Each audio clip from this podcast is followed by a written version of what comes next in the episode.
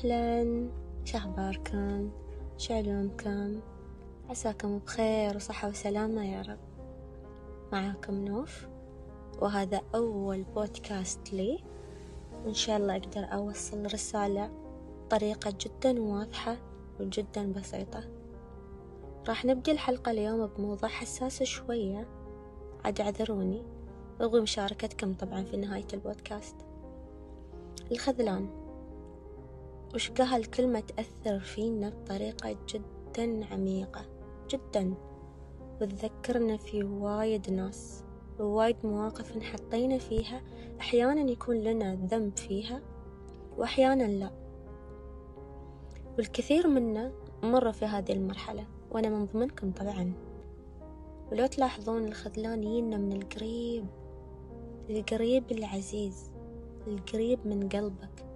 القريب اللي تشوفه عيونك يجينا من اللي نفتح لهم قلوبنا ونرفع الشفافية اللي بيننا وبينهم شو السبب يا ترى؟ من وراء هذا الخذلان شو السبب؟ من بعد السنين والدراسة والتجارب طبعا اكتشفت إن الغلط منا نحن تدرون ليش؟ لأن ما تعلمنا نحط حدود إذا كان غريب ما يأذينا ما يلامسنا لأن الحدود أوريدي موجودة فأنت ما تحتاج تحطها. لكن أنت متى تشيل الحدود؟ تشيلها مع القريب العزيز. جربوا تحطون حدود. جربوا وخبروني. شاركوني تجاربكم. وعلى فكرة أنا أدرس بكالوريوس في علم النفس وأنا أحاول أني أبسط وايد أشياء.